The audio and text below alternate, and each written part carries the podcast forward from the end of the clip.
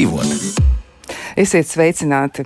Ja jūs paskatāties savā dārza virzienā, iespējams, uz kādu nokautušu koku stumbeņa aug tumšā celmene ar milārija ostie, jums labāk eh, domāt būtu, ka tā neizaugs tāda ļoti, ļoti liela, jo lielākais sugas īpatnis, kas ir atrasts Melhīras meža rezervātā Oregonā, aizņem 890 hektārus un varētu būt 2 līdz pat 8000 gadus vecs. Lielākā daļa slēpjas zem zemes. Un, um, Varētu domāt, ka nu, tas nav viens organisms, bet tomēr ir. Tas ir micēlī muģeklis. E, tā, tā ir pasaulē vislielākā sēne. Un e, to varētu uzskatīt par vislielāko organismu, kāds vispār savstarpēji ir savienots. Un tad ir ļoti, ļoti milzīga teritorija. Un tomēr Tā ir sēne. Šodien mēs arī runāsim par sēnēm un sēnītēm, kā ir ierasts teikt, vairāk runājot par cilvēkiem, jo tā ir problēma, ar kur saskars ļoti daudz cilvēku, un mēģināsim arī šodien izpētīt, nu kā ar to tik galā, kāpēc tas vispār tā notiek, ka mēs inficējamies ar šādām te mm, mazām nelietīgām, nedraudzīgām radībām, kurām laikam nu nevajadzētu mums radīt tās problēmas, bet tomēr mēs ar viņām sastopamies. Mēģināsim šodien noskaidrot, ko te darīt šādās situācijās. Nu, lūk, Nu, protams, kā vienmēr esam klāt, runājamies un eh, darbojamies. Ar jums runā šobrīd Kristiāna Lapiņa, pie skaņpults ir Katrīna Bramberga un raidījuma producenta Loreta Bērziņa. Uzreiz iepazīstināšu arī ar studijas viesņām. Un eh, pie mums šodien būs eh, dermatoloģija veselības centra apvienībā Valentīna Rožnova. Sveicināti! Mm, labrīt! Un vēl arī mēs gaidām asociēto profesoru Rīgas Stradiņu universitātes docētā infektoloģijas katedras pētniece centrālās laboratorijas valdes locekļa Jeļena Storoženko. Viņa tūliņ arī būs klāt. Bet, um, Varbūt es sākšu ar to, ka nu, ir tādi statistiskie dati, e, kas nu, diezgan skaidri pasaka, ka tā problēma tomēr ir diezgan liela. Un e, no centrālajā laboratorijā ik mēnesi veiktajiem 700 līdz 800 izmeklējumiem sēnīšu infekciju diagnostikai vairāk nekā pusē gadījumu tā tiek apstiprināta. Aizvadītajā vasarā pat 62,2% pacientu. Un pēc Rīgas Stradiņa Universitātes infektoloģijas mm, katedras eh, profesors datiem, ja tātad Jeļena Storoženko to ir teikusi, ka šis te augstais pozitīvo gadījumu īpatsvars ir saistāms ar to, ka iedzīvotājus pārbaudēm ierodas tikai tad, kad jau ir simptomi, kas varētu liecināt par sēnīšu slimību. Un tad, nu, tie simptomi jau ir izteikti, un tad, nu, cilvēks ir klāts un saka, nu, kaut kas nav labi. Nu, tad varbūt sāksim no paša sākuma. Nu, kā tad tur ir ar tām sēnītēm? Nu, kas vispār ir sēnīte? Varbūt mēs viņu varam izskaidrot, ja kā tāda organisma organismu, jo tiešām nu, sēnīte ir ļoti specifiska dzīva. Uh, nu, nu, nē, dzīves organisms, varbūt tā mēs varētu viņu nodēvēt. Uh -huh. jā, par mhm. būtni gluži nenosauksim. Tieši tā. Sēnīte ir mikroorganisms, um, kas ir uh, savā ziņā līdzīgs uh, baktērijām un vīrusiem, bet uh, ir arī atšķirīgas īpatnības viņu struktūrā, uh, kur sīkāk neiedziļināšos, jo tā gan ir uh, sarežģīta informācija, uh, bet uh, sēnītes ir bīstamas ar to, ka viņas var izraisīt dažāda veida infekcijas cilvēkiem, kas ir iedalāmas virspusējās un dziļākās infekcijās. Un dermatologu lauciņš ir tās virspusējās infekcijas, varbūt arī bišķiņ dziļākas zemādas infekcijas, bet tās bīstamās, um, ja izplatītās infekcijas var būt pat dzīvību apdraudošas, un cilvēks var ārstēties intensīvās terapijas palātās. Varbūt jūs varat minēt kādu piemēru. Tie vaininieki diezgan daudz, un arī runājot par to, kas tiek atrasts, ja, nu tad mm, arī tā saucamie uzsējumi, kas tiek veikti, ja, noteiktos apstākļos un, un ar noteiktām prasībām. Mēs par to drusciņi arī parunāsim, bet, nu, nu te, te, piemēram, Laboratoriski var noteikt nu, 12 dažādas sēnītes. Ja? Nu, tad sēnīšu olbaltumu var atrast, ja tā smalki runā DNS. Ja izmeklējumajā paraugā atrod vis visādas brīnums, nu, tad kas ir tie daži vaininieki, ja, kas rada šīs problēmas? Uh -huh. Parasti sēnītes iedala trijās lielās grupās. Pirmā grupa ir dermatofīti. No grieķu valodas to sauc par um, ādas augiem. Uh, un otra grupa ir um, rauga sēnītes tās ir kandidas ģintsēnes, un trešā grupa ir pelējuma sēnītes, un arī mēs iedalām sēnītes pēc vides, kurās viņam labāk patīk dzīvot. Un te mēs varam uh, konstatēt antropofīlas sēnītes, kas ir vairāk raksturīgas um, cilvēkiem, zoofīlas sēnītes, ar kurām slimo arī dzīvnieki, bet uh, var inficēties arī cilvēks saskaroties ar slimu dzīvnieku vai viņa spalvām. Un arī ģeofīlas sēnītes, viņas izraisa tādas retākas infekcijas, saskaroties ar inficēto augsni, un augsnē arī tās sēnītes var saglabāties ilgstoši. Un, mēs varam minēt arī latīniskos nosaukumus. Dermatofītiem biežāk ir um, trihofītum, mikrosporum un epidermofītum uh, ģints uh, rauga sēnītēm. Tādas pazīstamākas ir kandidas un malasēzija ģints sēnītes un pelējama sēnītes ir aspergelus ģints sēnītes. Jā, nu, varbūt mēs varam mm, sākt kaut kā arī pētīt vairāk to, nu, kāpēc tad tik ļoti, ļoti izplatīts ir tās sēnītes, jo acīm redzot dzīvot spēju vienkārši fenomenāli. Ja? Nu, tiešām, ja tik milzīgs cilvēku skaits ar to saskaras, un arī nu, laboratoriskie dati liecina par to, ka tiešām ļoti, ļoti liels cilvēku skaits eh, ierodoties, eh, nu, pēc tam ir, nu, tā kā viņi uzzina par savu diagnozi, par to, ka tiešām tā ir sēnīte. Nu, kas tad nosaka to, ka tā sēnīte spēja izdzīvot ja? tik ļoti, ļoti sekmīgi? Nu, viņai tā ļoti veicas ja? mm. ar to izdzīvošanu. Tā sēnītei ļoti patīk mitra vide, un tajā viņa vislabāk vairojas. Ar to mēs varam arī skaidrot to saslimstības pīķi, kas notiek vasarā, jo ir pastiprināta svīšana, un tie ir labvēlīgi apstākļi sēnītes vairošanai. Bet ir veikti pētījumi, ka sēnītes daļiņas, kuras ir infekciozas, var saglabāties matos, kuri jau ir um, izkrituši uh, līdz pat gadam. Tas nozīmē, ka mēs varam inficēties pat no gadu vecām matu atliekām, kuras ir atrodamas vidē. Nu, vispār tas neizklausās labi. Nu, šajā brīdī arī mums ir sarunā pievienojusies asociētā profesora Rīgas Tradiņu universitātes docētāja infektuoloģijas katedras pētniece un centrālās laboratorijas valdes locekļa Jēlina Storaženko.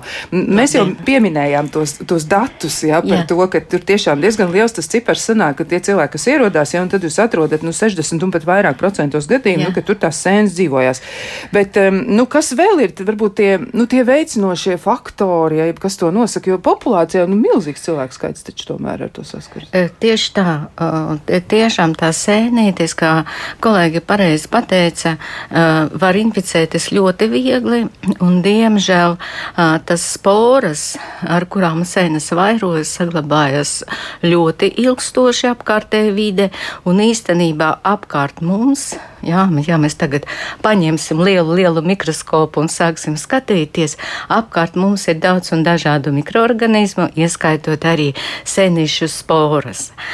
Protams, mūs pasargā mūsu imunitāte. Mm, un, protams, mūsu ārējais apvalks, tā ir āda, ādas derivāti, jā, protams, mūs pasargā no šīs senišu infekcijām. Bet tiešām nu, mēs centrālā laboratorijā novērojam tiešām šis milzīgs pozitīvo gadījumu skaits. Iespējams, jā, tas ir saistīts arī ar to, ka nu, varbūt vismaz trīs gadus cilvēki, pateicoties Covid-19 pandēmijai, tomēr vairāk nu, viņiem bija tas mājas režims, nedarbojas sportu zāles, visādas kosmetikas saloni un tā tālāk. Jā, un varbūt tad mēs nu, varbūt mazāk to redzējam. Bet tagad tiešām ir ļoti liela aktivitāte, ir ļoti daudz dažādas brīnišķīgas iespējas apmeklēt spa salonus un visu to pārējo, nodarboties ar sportošanu. Un tiešām šim tā kā tai būtnei, kurā nav ne augu ne dzīvnieku valsts pārstāvis. Viņa dzīvo pati pa sevi, viņa ir pietiekoši sarežģīts šis metabolais cikls. Mm, un iespējams, ka arī e, šis ir iemesls, kā šīs būtnes tiešām uh, vairojas šajā vidē, kur ir pat, uh, teiksim tā, protams, uh, viss ir kopts neapšaubām pielietot dezinfekcijas līdzekļus, bet principā uh, viņi dzīvo tur, kur ir silti, kur ir uh, mitri, tā, tādi vides apstākļi, un līdz ar to cilvēks apmeklējot uh, salonus, uh, peldbaseinus un tā tālāk, staigot basam kājām, vai arī, uh, kā jau mēs visi redzam, arī vasaras laikā cilvēki staigā ar tādiem, nu, slēgtiem apaviem, līdz ar to tas e, veicinā pēdu svišanu, un tā ir tāda ļoti labvēlīga augsne tieši to sēnīšu vairošanai. Mm -hmm. Jā, nu man jāatzīst, es arī man, man ļoti patīk uzspēlēt bowling, bet es nē, tieši tā iemesla dēļ, ka tur ir apavi, kur ir nu, jāņem nomā, ja, un, un, un man tas šķiet epidemioloģiski bīstami, nosauksim to tā, ja. Ne, tad, nu, kas varētu vēl būt tie papildus faktori, vai, piemēram, arī tādas traumas, nu, kas varētu būt, nu, iespējams, viens no veicinātāju faktoriem, ka vieglāk ir inficēties. Nu, respektīvi, jautājums par to, kam ir vieglāk un kam grūtāk, tātad kas pasargā un kas veicina. Noteikti pastāv arī dažādi faktori, kuri nav atkarīgi tieši no sēnītes, bet gan no saimnieka organisma, jeb cilvēka faktoriem, kas ir cilvēka imunitāte. Jo ne visi cilvēki, kas saskarās ar to sēnīti vidē, saslimst. Tāpēc noteikti ir faktori, kas veicina infekcijas izplatību organismā, piemēram, imūnais status. Cilvēki, kuri lieto kaut kādus imūnsupresējošus medikamentus, kuri slimo ar hroniskām infekcijām, kuriem ir perifērās asinsrites traucējumi ekstremitātēs un arī cukura diabēts, tie ir vairāk pakļauti sēnīšu infekcijām. Jā, nu kas vēl varētu būt tādi papildus eh, nosacījumi? Varbūt pati tā sēne arī ir nu, tik ļoti specifiski uzbūvēta, ka viņi tomēr spēj tādos ļoti draudīgos apstākļos arī izdzīvot. Viņa, nu, teiksim tā, kas vēl pa vasaras laikā, protams, mēs visi, mēs visi rosamies kaut kur savā dārzā. Mums varētu būt visādas mikrotraumiņas, jā, un īstenībā, nu, jā, ir āda izolēta bez kādiem bojājumiem. Protams, mums ir normāla imūnsistēma sistēma, jā, mēs e, izmantojam tur, kur ir nepieciešama dezinfekcijas līdzekļus. Mēs, protams, nu, nekritam panikā un īstenībā mēs esam pasargāti.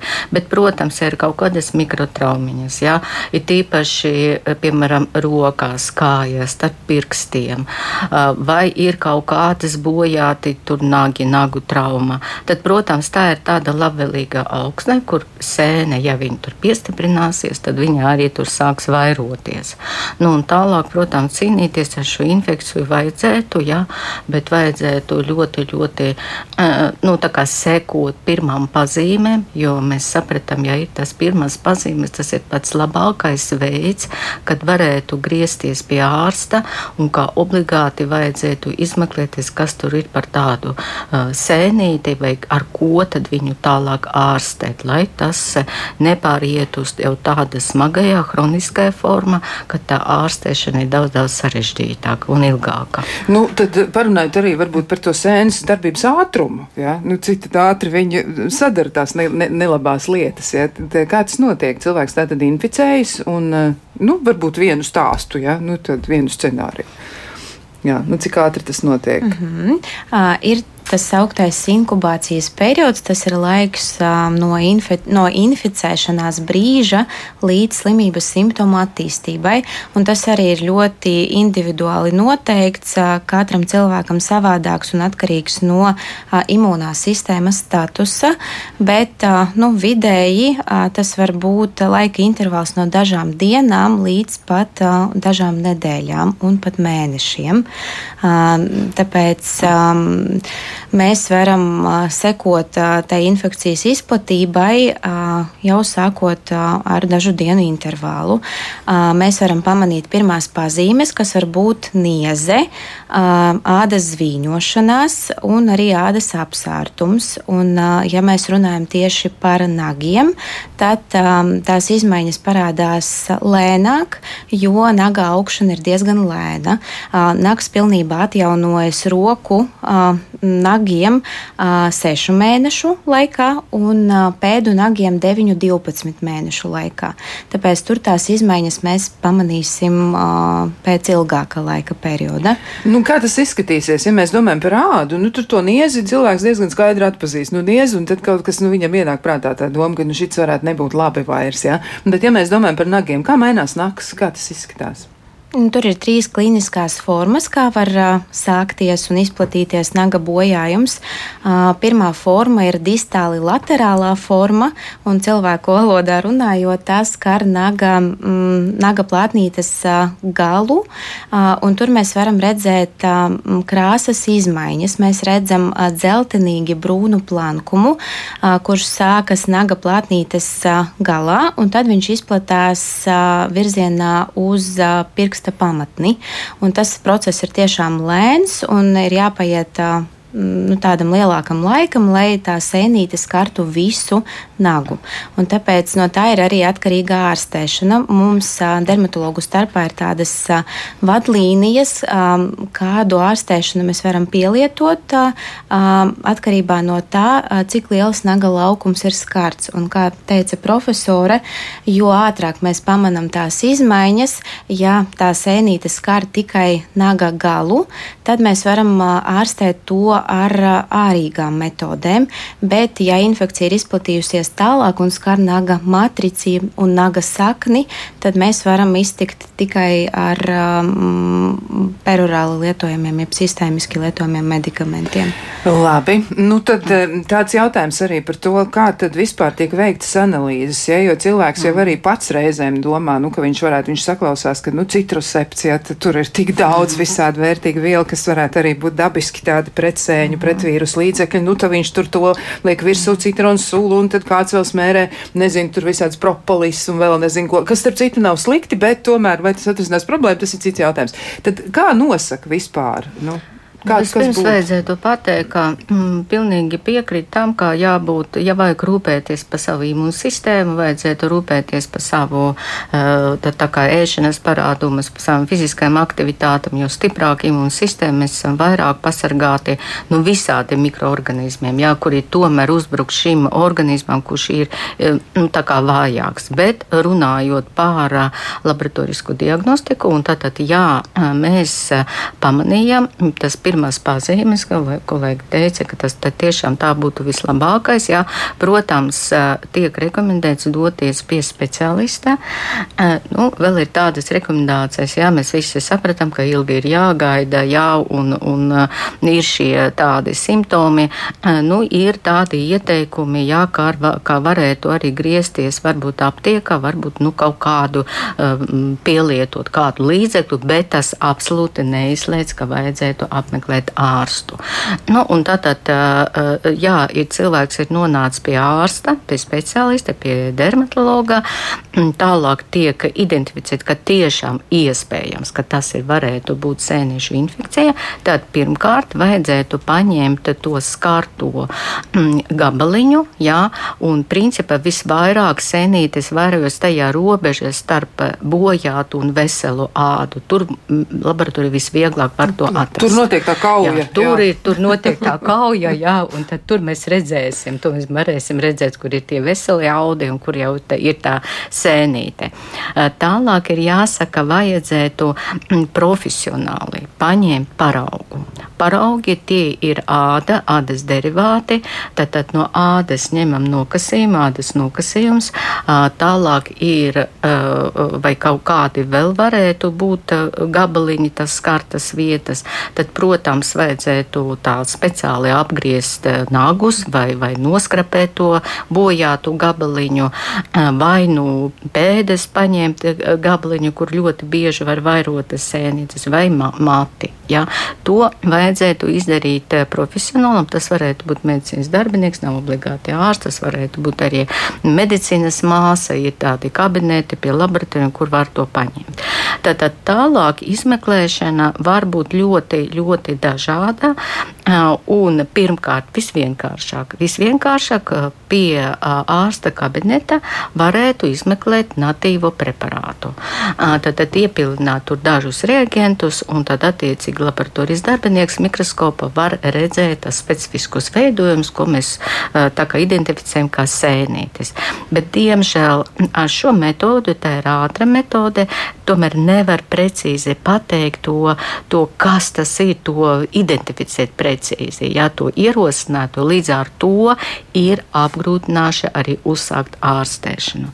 Otrā metode tas ir uzsējums, ja tas pats materiāls tiek paņemts, piegādāts laboratorijai, un laboratorija tālāk veids uzsējumu, tas ir bakterioloģiskais uzsējums, kuru tie vajadzētu pagaidīt, jā, protams, kādu laiku, kamēr sēnīti pavairojas, bet tad ir ļoti, ļoti precīzi varētu pateikt, kāda, kāda ir šī sēnīte, kāda ir tā suga. Visbiežāk no nu, visa, ko izmeklē laboratorijā, no tiem minētiem vidēji gadā, nu, teiksim, ar bakterioloģisku izmeklēšanu, tie desmit tūkstoši, pirmajā vietā stāv dažādi dermatofīti, ja? nu, piemēram, uh, trihofītu rubru. Jā, tie ir kaut kur ap 34%, jā, un to tiešām ļoti precīzi varētu pateikt, jā, tiešām mm, kultivējot viņus. Kultivējot. Tālāk var būt visādas dažas citas uh, sugas, nu, piemēram, var inficēties arī no dzīvnieka, it īpaši bērniem. Jā, uh, tad, tad tā ir tā, piemēram, mi, mikrosporum canis, jā, to arī mēs varēsim pateikt tikai kultivējot. Un tālāk Otrajā vietā ir dažādas raugveida sēnītes, jā, kuras ir arī ļoti, ļoti dažādi. Nu, piemēram, tāda kandida albikas, viņa, viņa, albikans, viņa jā, dzīvo mutes dobumā, un ir arī pelējuma sēnītes, kuri, diemžēl, arī mums varētu būt dažādas as aspergilozes, un aspergilozes var izsaukt arī tādas smagas saslimšanas, ir tīpaši imunkompromitētiem pacientiem, piemēram, HIV inficētiem. Tā ir tā otrā metode, jā, kur ir bakterioloģiskā izmeklēšana, kura prasa noteiktu laiku ar uzsējumu uz specifiskiem barotnēm. Un trešā metode, kā, kurā ir visātrākā, varbūt visjaunākā, nu, viņa varbūt nav tik jauna, viņa no 20. gadā to jau tā kā pietiekuši plaši pielieto, tā ir molekulāra bioloģiskā metode, tad, to pašu materiālu, materiāls absolūti neatšķirās, to pašu materiālu atnest uz laboratoriju un uh, veikt ar molekulāra bioloģiskajiem metodēm vienlaicīgi uh, 12 uh, nosakot 12 patogēnu sēnītes, kur ir biežāk sastopamas cilvēkiem. Un tas tā reakcija, protams, notiek ļoti ātri. Nu, aptuveni vienas dienas laika var saņemt to atbildi, kur ir arī biežākie dermatofīti, tur arī ir kandida un citi ierosinātāji. Jā, nu rekā, tā tad var ļoti daudz ko noskaidrot. Nu, vēl klausītāji arī ļoti aktīvi ir iesaistījušies, un viņi uzdod visādus jautājumus. Nu, piemēram, arī par to simptomātiku, ja, vai sabiezējuši nagi arī par sēnītēm liecina. Jā, nu, droši vien, ka varētu būt viens variants, diemžēl, tieši tāds. Jā, sabiezējuši nagi ir viens no simptomiem. Jā, nu vēl arī tāds jautājums ir apmeklēt pirti un saunu arī var inficēties ar sēnīti. Ja? Nu, tur tāds jaut jautājums ir, bet nu, man liekas, ka tas gandrīz varētu būt tāds apgalvojums, ka tiešām tā varētu notikt. Un e, savukārt jautājums ir, pie cik grādiem sēnīti var iznīcināt. Un, man liekas, ka šis gan ir dikti, dikti viltīgi, ja? jo tas, tas, tas sēnītis tieši tāpēc jau, man liekas, ir tik ļoti izplatīts, ka viņš tur pret tiem grādiem. Sporas var saglabāties ilgstoši gadiem, kā teica kolēģi, jā. jā, un viņa var izturēt apkārtēju vide gan ļoti augstas temperatūras, temperatūras, gan ļoti zemes temperatūras. Jā. Tā ir ar šīm sporām, jā, kuras nu, vienkārši ir tā uzbūvēta pietiekoši vienkārši, jā, bet, eh, bet viņa tiešām var saglabāties ļoti ilgi. Ja mums ir spora, tad mums ir tālāk tas ir infekcijas avots, kurš uh, iekļaus tajā labvēlīgajā augsnē un sāks vairoties. Man liekas, tie ir arī tie leģendārie gadījumi ja, par kapenēm un nu, tādiem izrakumiem. Arheologi dodas kaut kur un tad uz šī te visa bāzes ja ir attīstītas tādas visādas teorijas par to, ka, nu, ka tur tās spārs ir saglabājušās un tad cilvēki ir nesaslimuši un, un tad nu, tādas trakas lietas, kas vedina domāt, ka nu, mēs tiešām krimināla romāns jāuzraksta. Ja ne Agatai Kristī, tad kādam noteikti vēl citam. Bet nu, vēl tāds arī jautājums konkrēts ilgstoši nieza cirkšņu rajonā un arī klausītāji atzīst, ka viņai ir Nu, preparāts, ko viņi izmanto, tas travakords šajā gadījumā, un tad viņi saka, nu, kamēr to smērē, tikmēr viss ir labi, un kad pārtrauc, tad atkal viena nieze atsāks. Un viņi rakstā, ka ir būts pie dermatologiem ļoti dažādiem, ir ņemti paraugi, un viņi raksta, nu, skaidri un gaiši jēgas nekādas, nu, kad joprojām tā nieze saglabājas. Kā ir ar šādiem gadījumiem, nu, ka tas tiešām, tas izklausās pietiekami sarežģīti, un arī noteikti ļoti mokoši un kaitinoši cilvēkam, tas bojā dzīvi. Šeit ir jautājums par to, vai tika veikta laboratorā diagnostika, un vai viņa tika veikta pareizi, jo, lai paņemtu uh, materiālu un lai tas uh, materiāls uh, novestu mūs līdz uh, gala diagnozei, uh, divas nedēļas nedrīkst lietot nekādus ārstnieciskus līdzekļus. Tā skaitā pats uh, klausītājs minēto medikamentu. Jā. Un um, atkarībā no tā mēs jau pēc nedēļas varam saņemt mikroskopijas atbildi, vai šajā paraugā ir, atrastas, ir atrasti sēnīšu elementi, un pēc mēneša mēs arī zināsim, vai tur ir atrasta kādas ģints sēnīte, un no tā arī būs atkarīga tā ārstēšanas turpmākā taktika. Tad pirmais noteikti būtu pareiza diagnostika. Man liekas, tur tās divas nedēļas izturēt varētu būt traki grūti. Es domāju, ka cilvēks viņš varētu pat taisno mēģināt uzkāpt sienā vertikāli augšā, ja viņam tik ļoti, ļoti mokoši tā situācija varētu būt. Bet, nu, laikam tad jāmēģina kaut kā izturēt, ja, un tad, nu, tad, tad būs labāks rezultāts. Precīzi zinās vārdu un uzvārdu tam nelietīgiem radījumam.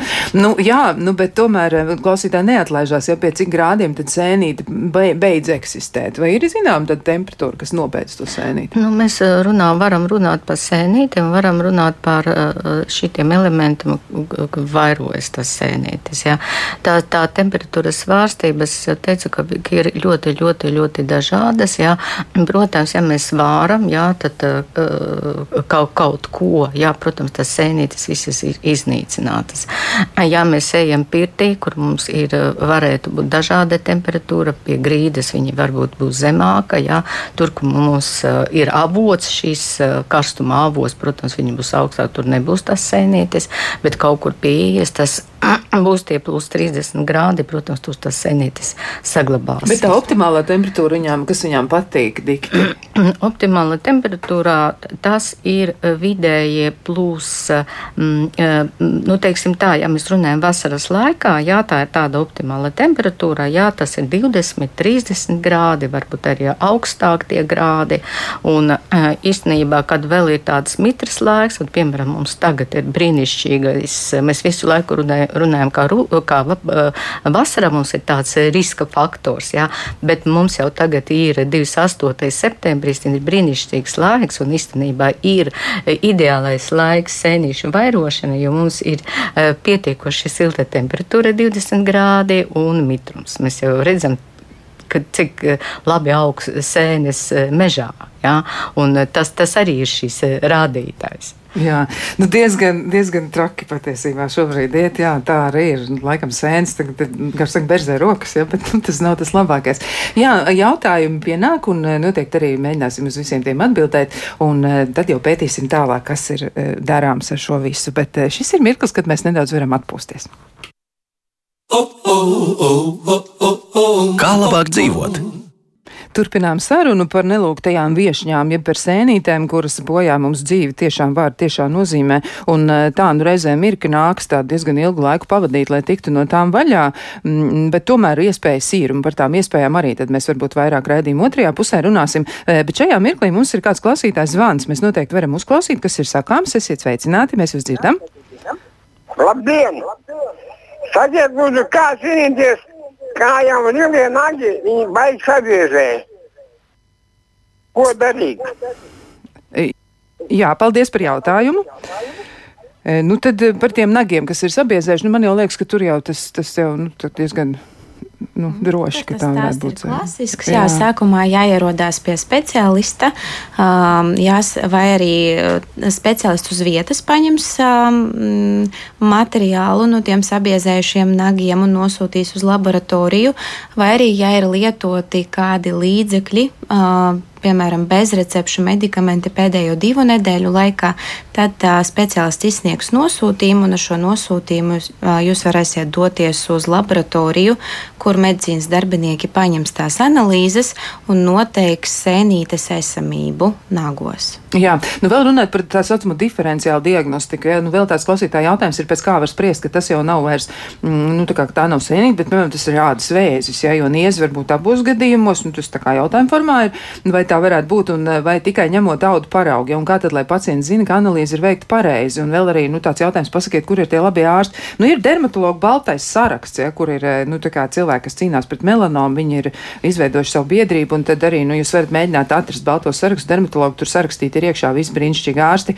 Bet um, jā, par to nu, atšķiršanu, jā, kā tas nāks, nu, ka mēs redzam, kur secinām, nu, tur tas viens Mm -hmm. Jā, cits. tas paliek ārsta kompetencē. Mēs zinām klīniskās pazīmes un simptomus, un mēs zinām arī pazīmes skatoties dermatoskopā. Kas ir dermatoskops? Tas ir dermatologa instruments, ar ko mēs parasti izmeklējam ādu un ādas derivātus, un mums ir savas pazīmes, pēc kurām mēs varam klīniski atšķirt infekcijas no citām, piemēram, iekaisīšanām neatlaisīgām pazīmēm, jo nagus var bojāt ne tikai infekcijas un ne tikai pat sēnīšu infekcijas, bet nagiem ir raksturīgas arī bakteriālas izcelsmes infekcijas un arī iekaisīgi ādas stāvokļi, jeb slimības, kā piemēram psoriāze vai sarkanā plakanā ēde, var izraisīt nagu bojājumu. Un arī pastāv šādi gadījumi, kad uz pamatslimības fona, piemēram, tās pašas psoriāzes, nagu bojājuma fona pievienojas sēnīšu infekcija, jo tai sēnē ļoti patīk pievienoties tajās vietās, kur āda un ādas derivāti ir bojāti. Jā, nu tā tad novājināts tas cilvēks jau ir imunitāte labi nestrādā. Nu, te arī klausītāji piezīme tāda, ja par to imunitāti, nu, kad nu, viena no klausītājiem saka, ka viņai ir tā labi veicies, viņa imunitāte ir nu, cēlus, kā saka, uz augšu, jā, un tad viena tāda preparāta, nu, ko reklamēt nevar, viņa arī viņa nenosauc, jā, bet, nu, viņi cenšas imunitāti stiprināt, un tas droši vien varētu būt viens no tādiem papildus eh, aspektiem, ar ko varētu darboties. Nu, vēl tāds konkrēts jautājums ir arī par blauznām, ja, jo, nu, ļoti daudz ir, nu, piemēram, šampūna reklāmas. Nu, izmazgāsiet to galvu vienu reizi, un mati tad, nu, tā kā zirga, zirga spalva laistīsies un spīdēs, ja, un nu, viss būs labi. Nu, laikam tik vienkārši nebūs. Hm? Jā, par tām blauz, blauznām arī ir plašs uh, diferenciālu diagnožu skaits, uh, pie kurām saslimšanām uh, tās blauznas var būt galvas galvas matēnajā daļā. Un um, šeit arī mēs balstamies uz savu pieredzi, uz uh, klīniskām pazīmēm. Arī skatoties uh, dermatoskopā, mēs redzam specifiskas pazīmes, pēc kurām varam secināt, vai tā ir infekcija vai kāds, infekcio, vai kāds iekaisīgs tāda stāvoklis. Uh, un, uh, Uh, un arī uh, dažas sēnītes, uh, kuras uh, normāli dzīvo uz mūsu ādas, kur ir normāli ādas iedzīvotāji, tā saucamie, var pastiprināti vairoties pie noteiktiem stāvokļiem un izraisīt ādas zvīņošanos, kas arī ir tās blauznas. Un to mēs principā nu, nepieskaitam pie tādiem īstiem patoloģiskiem stāvokļiem, bet mūsu mērķis terapijā ir vienkārši mazināt šo sēnīšu sēnīšu vairošanos, un līdz ar to mazinās arī cilvēka simptomi. Jā, nu, par ārstēšanas jaunumiem. Jā. Nu, tad viens no jaunumiem jā, ir par dažādu veidu tādu jaunu tehnoloģiju ieviešanu. Un jautājums ir tāds, vai nagu sēnīti var ārstēt ar lāzerterapiju, vai tas ir efektīvi, vai vispār izmantot, teiksim, jaunas tehnoloģijas sēnītes ārstēšanai. Kā tas ir? Jā, noteikti.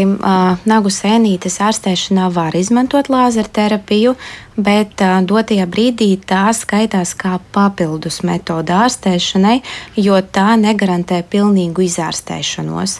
Un, tāpēc noteikti mēs varam pielietot šo metodi, bet kā papildus metodi pie jau sen zināmajiem klasiskajiem medikamentiem, ko mēs lietojam ikdienā.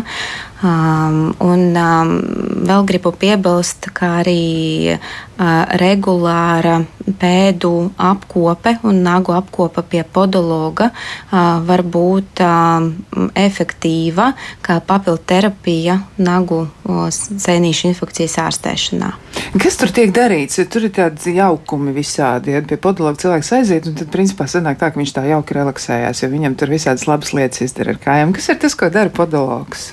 No principā podologs ir eh, medicīnas persona, mm, speciāli apmācīta persona, kura mm, izvērtē ādas un nagu stāvokli un veids ar dažādām mehāniskām un ķīmiskām metodēm ādas stāvokļu uzlabošanu, un kas mums dermatologiem ļoti patīk, ka pēc podologa apmeklējuma cilvēki atnāk ar plānāku ādiņu, un tajā plānākā ādiņā labāk iesūcas visi medikamenti, ko mēs parakstam, un tā ārstēšana ir efektīva. Sanāk, ka podologs kā mehāniski vai ķīmiski noloba um, ragaslāni, atmirušās šūniņas, un tad mums, dermatologiem, ir sanāk ātrāk un efektīvāk tos pacientus ārstēt. Jā, nu tad, bet kāda ir tā kārtība? Vispirms dermatologs, tad podologs, podologs, dermatologs. Ir... Uh, jā, parasti dermatologs nosaka, vai konkrētam pacientam ir nepieciešams podologa apmeklējums. Labi, vēl viens jautājums arī, kā atšķirt dermatologus, kuri veic laboratoriskos izmeklējumus un tiem, kas to neveic. Un man jau liekas, ka visi dermatologi tik sūta uz laboratoriju, tad, nu, ja ir jānoskaidro jautājums. Nē, nu, protams, dermatologi visi sūta pie uz laboratoriju. Vienīgais, kā arī kolēģi teica, ka dažreiz arī paši dermatologi var paņemt tos paraugus, jā, vai no arī ir pie dermatologa kabineta, ir speciālais kabinets, kur um, cits medicīnas personāls var paņemt, jā, vai vienkārši atnākt, uh, nosūtīt uz laboratoriju, jā, piemēram, kur nav dermatologa, bet tur ir kabinets, kur varētu noņemt šos paraugus. Tā kā tie daži veidi ir dažādi, to visu var prasīt, jautāt. Laboratorijām arī jautāt, protams, dermatologam. Jā, runājot ar citu par ādas, nu, to tādu dabisko barjeru, ja, kas ir, un, un, protams, ka to ietekmē arī tas, ko mēs ēdam, un arī tādus, nu, tādu skābu sārmu līdzsvars, varbūt tā mēs arī varam to apzīmēt. Nu, cik lielā mērā tas ir saistīts, piemēram, ar ēšanu? Sēnēm tik patīk arī saldumi, vai ne? Varbūt arī, tas varētu ietekmēt cilvēka veselības stāvokli kā papildus aspekts. Tas noteikti nevar neko izārstēt tāpat vien, bet tas varētu arī varbūt nākt par labu. Vai jūs arī, nu, par to runājat ar saviem pacientiem? Varbūt ir, jo jūs teicāt arī, ka, pieņemsim, diabēta pacienti ir viens no mm, nu, tādiem, nu, tu, tu, viņiem neiet pārāk viegli, ja, un tas nav tāpēc vien, ka tas cukuru līmenis ir tās vērstās, bet tur ir citi nosacījumi, kas darbojas. Bet atgriežoties pie pārtiks, tas ir arī klausītāja jautājums, un vienlaiks arī tāds tā kā apgalvojums, ka, nu, tā, ka viņi ir atmetuši ēst cukuru ja, un baltos miltus, un tad viņiem klājies labāk, piemēram, blauksnes, ja tā kā nav vairs. Noteikti diētas modifikācijai ir sava vieta.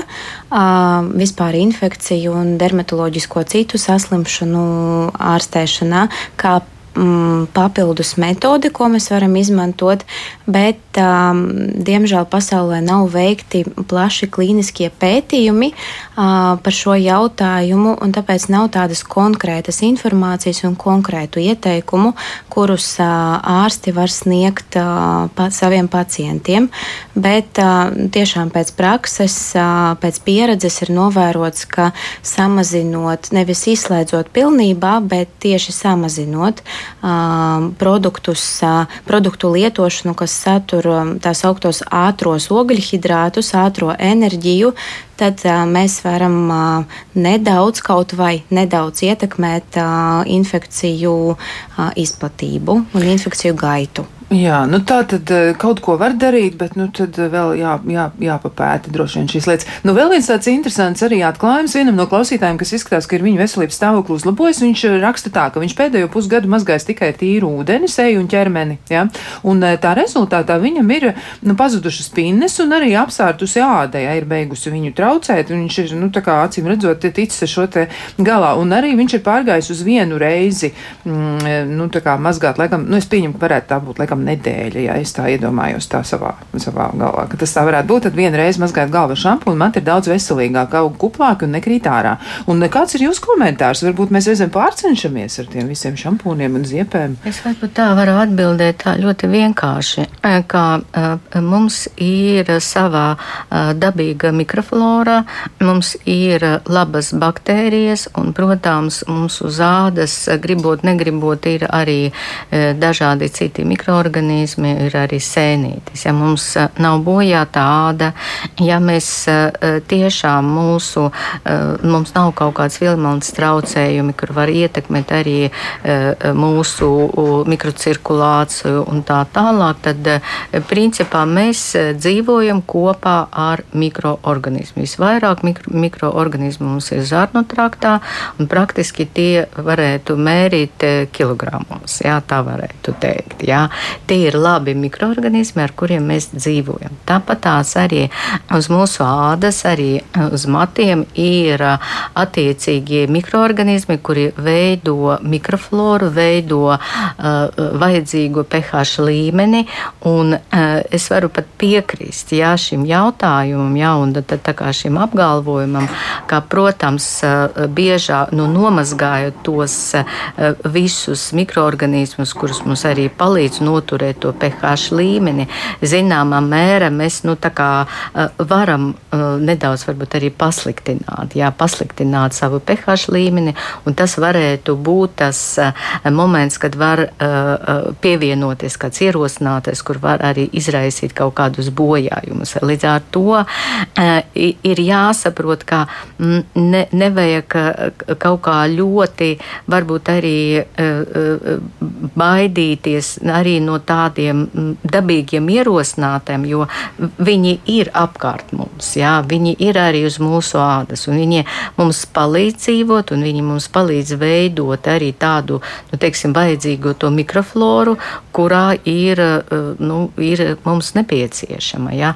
Protams, tad, kad notiek kaut kādas problēmas, jā, kad ir kaut kādas citas saslimšanas, kad ir, nu, piemēram, tā kā minēts arī cukura diabetes, jā, vai onkoloģiskas saslimšanas, vai citas uh, saslimšanas, kuras uh, pavainā mūsu imun, imunitāti, imūnsistēmu, tad, protams, arī var rasties visas problēmas. Jā, bet principā jā, mēs kā nevajag paļauties reklāmai, es tā teikšu. Jā, ka vajadzētu tiešām, ja mēs jūtam, ka mums der šis produkts, jā, ka mums ir labāk no tā, ka mēs mazgājam varbūt reizi nedēļā galvu. Jā, mēs tiešām nu, tā, jā, vienkāršiem vārdiem, ja bija arī visādi pētījumi, bet vienkāršiem vārdiem mums, protams, jānotur savu pH līmeni, kura mums arī palīdz arī mūsu matiem, mūsu ādai uh, normāli funkcionēt. Jā, nu klausītāji vēl arī atzīmē, ka šis un tas viņiem ir sagādājis vilšanos. Viņiem šķiet, ka mēs arī kaut ko pārveidojam no viņa teiktā, ja tā kā labvēlīgi,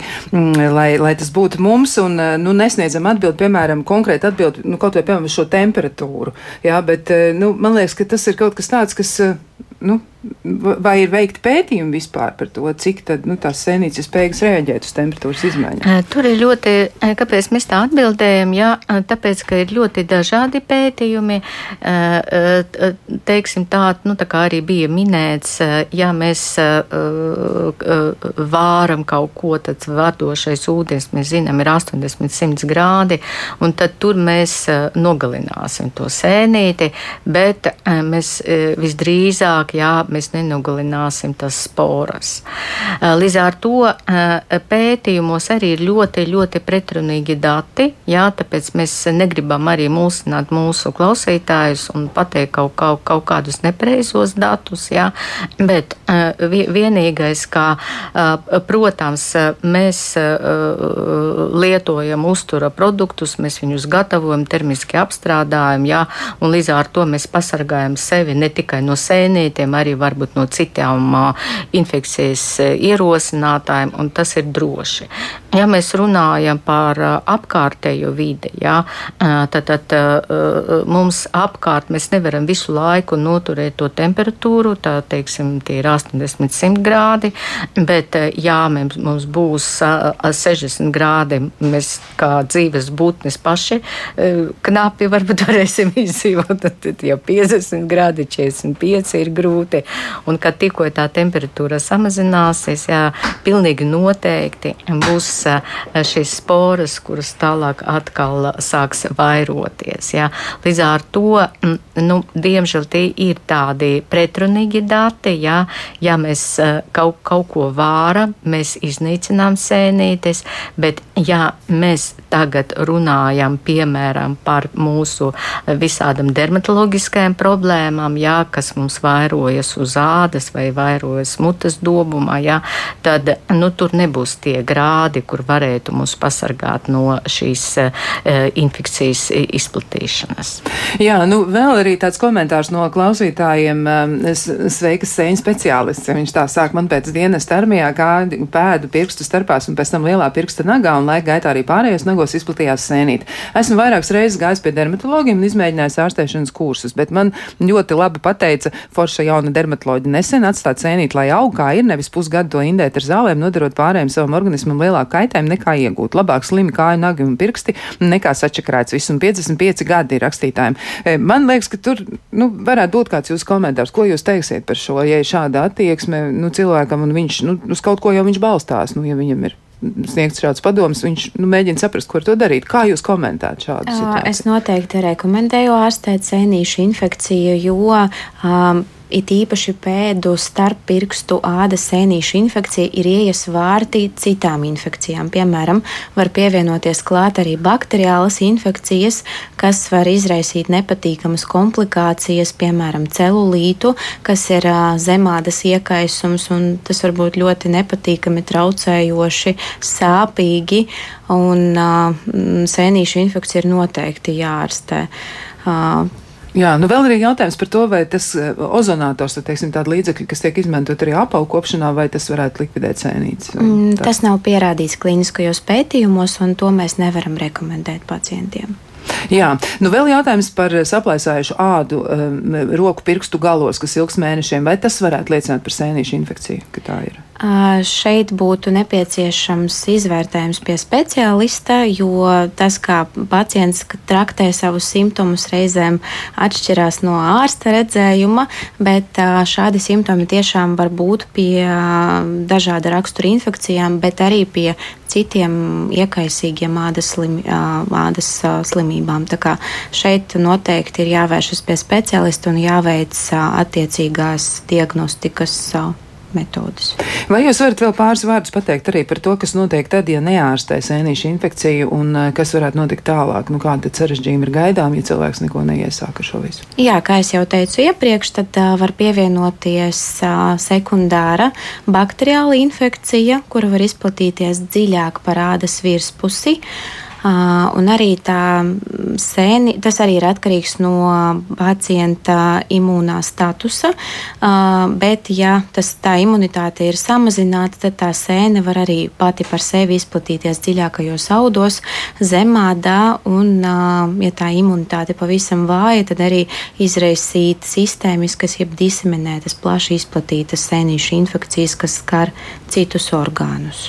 Un tad vēlreiz atgriežoties pie jautājuma par imunitāti, arī ko klausīt klausītāji pieminēja, uz ko viņi acīm redzot, grib tomēr saņemt vēl tādu nu, konkrētāku atbildi, vai imunitātes e, nu, spējas uzlabošana varētu palīdzēt cīnīties pret cēnītēm. Jā, noteikti, bet tās metodes um, ir dažādas.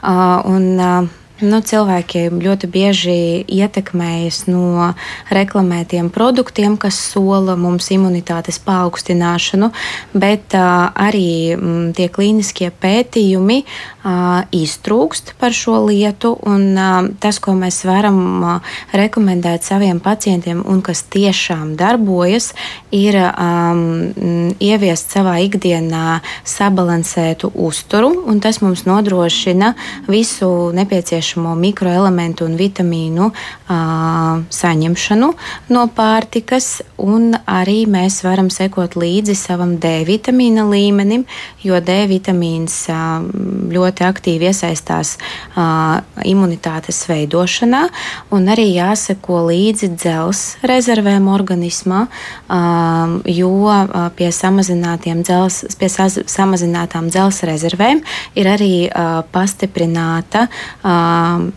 mikroorganismu ietekme uz organismu.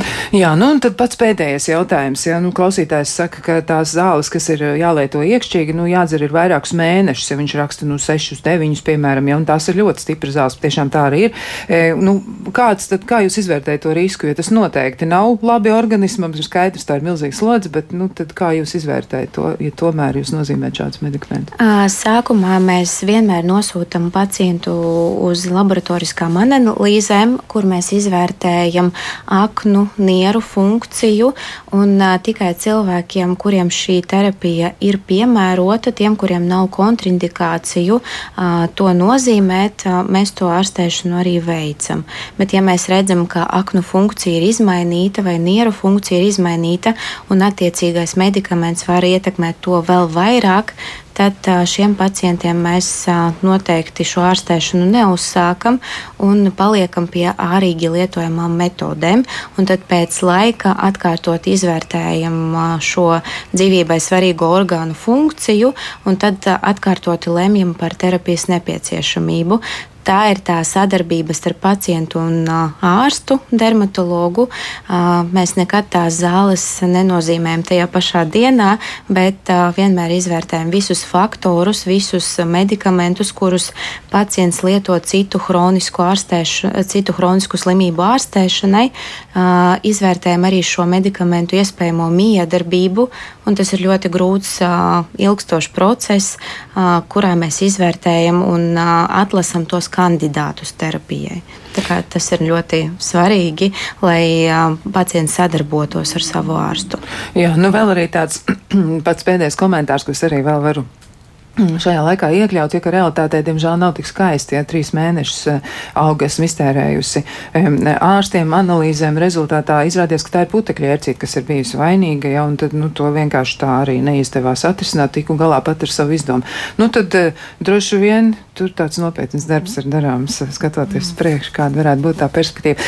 Jā, liels paldies gan asociētajai profesorai Rīgas Radiņu universitātes eh, docētāji infektoloģijas katedras pētniecei un centrālās laboratorijas valdes loceklei Ieļenai Storoženko un arī dermatoloģijai veselības centra apvienībā Valentīnai Rožnovai. Un, eh, nu, klausītājiem droši vien jānovēl mēģiniet rūpēties par sevi. Profilaks droši vien ir pati labākā, bet ja nu gadījumā kaut ko jūs pamanāt, nu tad uzreiz pie dermatologa un tad jau arī izdosies noteikti to atrisināt. Lai jums eh, skaista diena, rīt, rīt par dārza darbiem, bet mēs ar jums tiksimies atkal kādā citā reizē. Lai jums viss izdodas!